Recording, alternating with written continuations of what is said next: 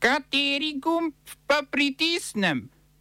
Tisti, na katerem piše OF.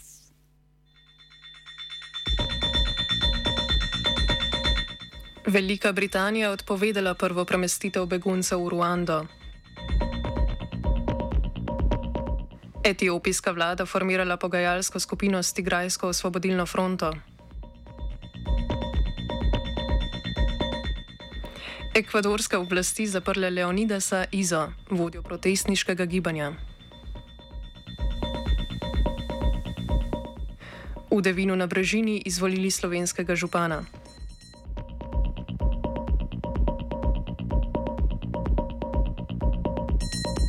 Slišite, Olso.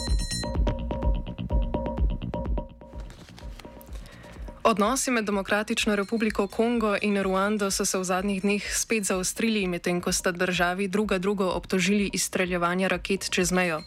Obtožbe so se pojavile potem, ko je revolucionarna vojska Konga, bolj znana kot milica M23, napadla in zauzela obmejno mesto Bunagana v Kongu, ki je hkrati mejni prehod z Ugando.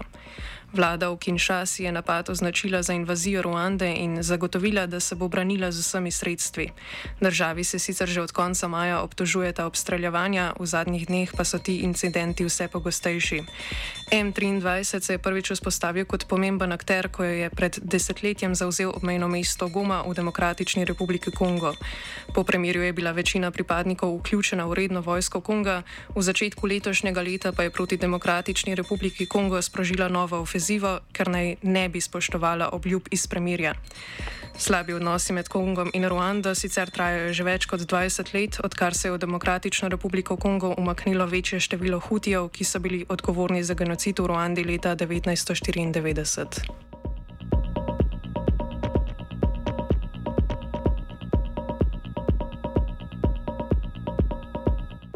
Ostajamo v Ruandi. V včerajšnjem OFU smo poročali o premeščanju prosilcev za azil iz Velike Britanije v Ruando. Britansko sodišče je to sprva dovolilo, danes pa je Evropsko sodišče za človekove pravice z izrednim ukrepom določilo, da se premestitev ne more izvesti. Razlog je bila uspešna pritožba enega od neprostovoljnih potnikov, ki mu je sodišče potrdilo, da bi premestitev ogrozila njegovo pravno varnost. S prvim letalom naj bi v Ruando odletelo 130 beguncev, a se, a se jih je na njem znašlo le sedem. Po odločitvi ISČP v zvezi z enim od potnikov so pritožbe zoper deportacijo sprožili še preostali potniki, zato je bil let dokončno odpovedan okoli desetih zvečer. Ruanda je sporni dogovor o premeščanju prosilcev za azil sklenila z Veliko Britanijo pred dvema mesecema, v zameno za sprejem prosilcev pa bo dobila 140 milijonov evrov. Uspešni prosilci za azil, ki so v Združeno kraljestvo vstopili ilegalno, naj bi po tej politiki dobili stalno prebivališče v Ruandi.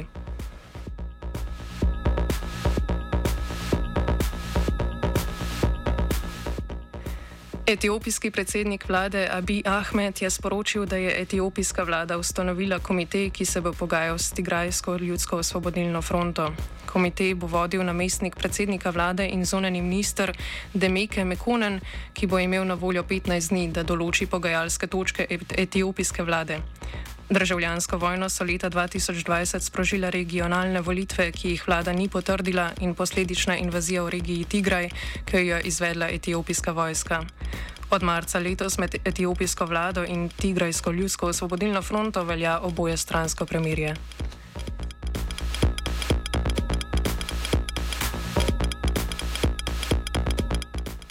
Tanzanija je v ponedeljek podpisala dogovor z Norve norveškim državnim naftnim podjetjem Equinor in britansko-nizozemsko naftno družbo Shell, ki bo omogočil gradnjo infrastrukture za izvoz utekočinjenega zemeljskega plina.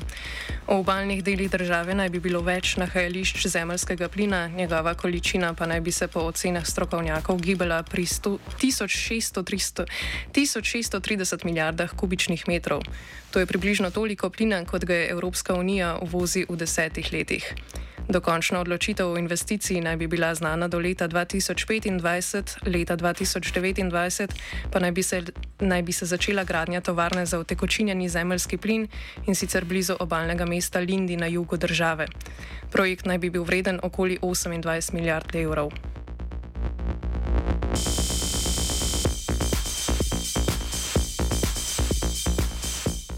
Ekvadorske oblasti so priprle Leonidasta Iza, vodjo Konfederacije avtohtonih narodnosti Ekvadorja, krajše Konae. Za ta ukrep so se oblasti odločile zaradi protestov avtohtonih skupnosti v Ekvadorju. Te so zaradi višanja cen goriva in življenjskih stroškov pod desno vlado Guillermoja Lasa v desetih od 24 provinc na avtocestah postavile blokade v znak protesta. Od vlade zahtevajo znižanje cen goriva, ustavitev širitve rudarske in naftne proizvodnje ter podaljšanje rokov za odplačilo dolgov za manjše kmetije. Prvi protesti zaradi višjih cen goriva so se zvrstili že oktobra lani, ko je Laso začel svoj mandat. Takrat so se zaključili s pogajanji med vlado in protestniki. Vendar so ti menili, da vlada ni bila pripravljena poslušati njihovih predlogov, zato so proteste spet obudili.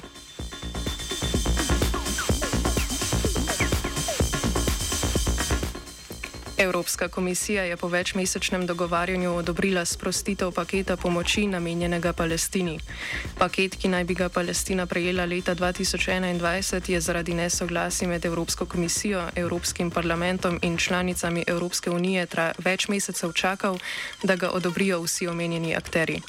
Paket pomoči je obsegal financiranje plač in pokojnin javnih uslužbencev ter finančno pomoč bolnicam in ranljivim skupnostim. Implementacija pomoči je zastala predvsem zaradi Oliverja Varijeja, mačarskega evropskega komisarja za evropsko sosedsko politiko in pogajanja o širitvi. Po njegovem mnenju bi morale palestinske oblasti v izobraževalnih učbenikih uvesti določene spremembe, saj ne bi bila vsebina antisemitska. Varej je zato predlagal, da bi pomoč Palestini pogojevali s premembo teh vsebin, šele na to bi lahko Evropska komisija dovolila uporabo sredstev. Njegovega predloga ni podprlo dovolj držav članic, a se je zaradi glasovanja v predlogu postopek o odobritvi sredstev dodatno zavlekel. Paket pomoči je sicer vreden okoli 200 milijonov evrov. Smo se osamosvojili, nismo se pa osvobodili naštetega še 500 projektov.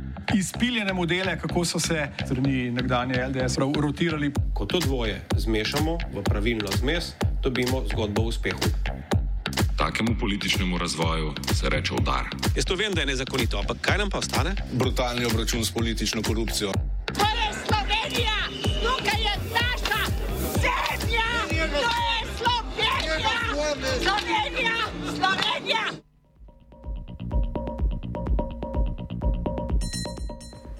V več italijanskih mestih so v nedeljo potekale občinske volitve. V Devinu na Brežini, kjer živi tudi večja skupnost slovenske manjšine, so po več letih ponovno izvolili pripadnika slovenske manjšine Igorja Gabrovca. Ta je zbral dobrih 51 odstotkov vseh glasov in s tem premagal dosedanjo županjo Danielo Paluto. Po mnenju Gabrovca je bila njegova izvolitev zaušnica prejšnji oblasti in pokazatelj, da nacionalna identiteta ne igra več tako velike vloge, kot jo je pred desetletji. Več o izvolitvi pove novi župan Devina na Brežine. Tako da pridobiti eh, eh, slovenskega župana je pomembno, ker eh, je župan izraz eh, domače stvarnosti, pozna tako italijansko prebivalstvo kot slovensko, pozna celotno območje naše občine in tudi z izvolitvijo slovenskega, slovensko govorečega župana smo danes dosegli v tej občini tudi, mislim, da zgodovinsko največje število slovenskih občinskih svetnikov, tako da če štejemo obe koaliciji je svetni, slovenskih svetnikov 11 na skupnih 16. To je, mislim, da je splošno dober, eh, zelo zanimiv rezultat. Eh, začenjajo pa se sedaj izzivi.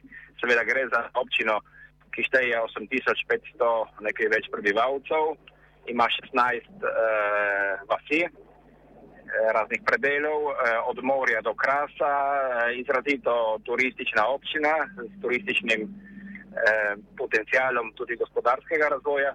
Skratka, zanimiv prostor, ki se v tem času zelo razvija in mislim, da je bilo strateško zelo pomembno, da smo domačini znova prejeli v roke vajeti občinske uprave.